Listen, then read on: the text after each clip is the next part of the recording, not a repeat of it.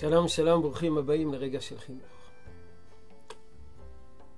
ספר החינוך לימד אותנו שאנחנו סופרים 1, 2, 3 ממספר קטן למספר גדול, ולא להפך, ממספר גדול למספר קטן, כי מספר גדול מפחיד. 49 ימים לעומר. המרחק עצום. זה, זה, זה, זה מרתיע. זה גורם לייאוש. לכן אנחנו מתחילים עם מספרים קטנים, 1, 2, 3, 4. עכשיו ספר החינוך, טוב, אז למה באמצע אנחנו לא מחליפים? כשאנחנו כבר מגיעים למספרים קטנים, כבר אפשר להגיד אה, 20 ימים לעומר, עשרה ימים לעומר. למה אז אנחנו לא...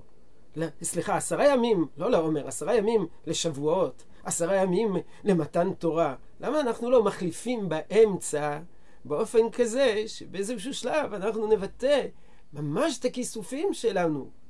עוד חמישה ימים, עוד עשרה ימים. בהתחלה זה באמת מבהיל, עוד ארבעים ותשעה ימים זה מבהיל. אבל כאשר המספרים מתקטנים, למה אנחנו לא נזכיר את המספר הקטן?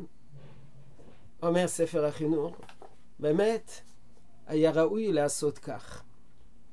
אבל לפי שאין לשנות מטבע החשבון באמצעו. בלשון אחרת, עקביות. אי אפשר בהתחלה לספור ממספרים כאלו מהעומר, ואחר כך להתחיל לספור אל מתן תורה.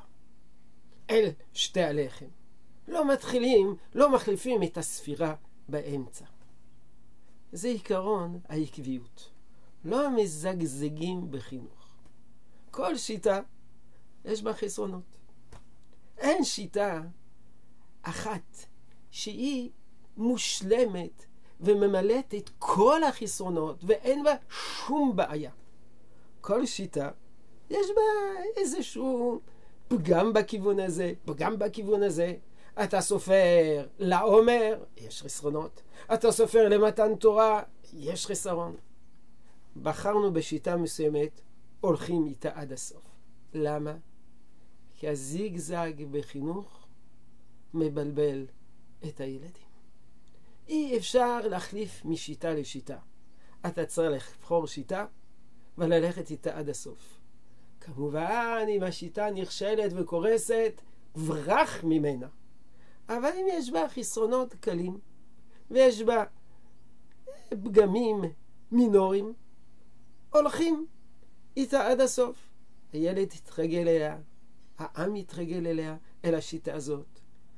זו השיטה שבה בחרנו, אותה בחרנו. זו השיטה שאיתה אנחנו הולכים באופן עקבי. למדנו עיקרון שלישי, חינוכי, מספר החינוך. עקביות. עקביות זו תשתית החינוך.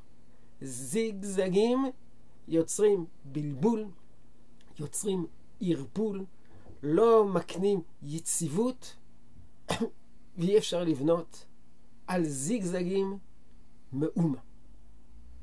זהו זה.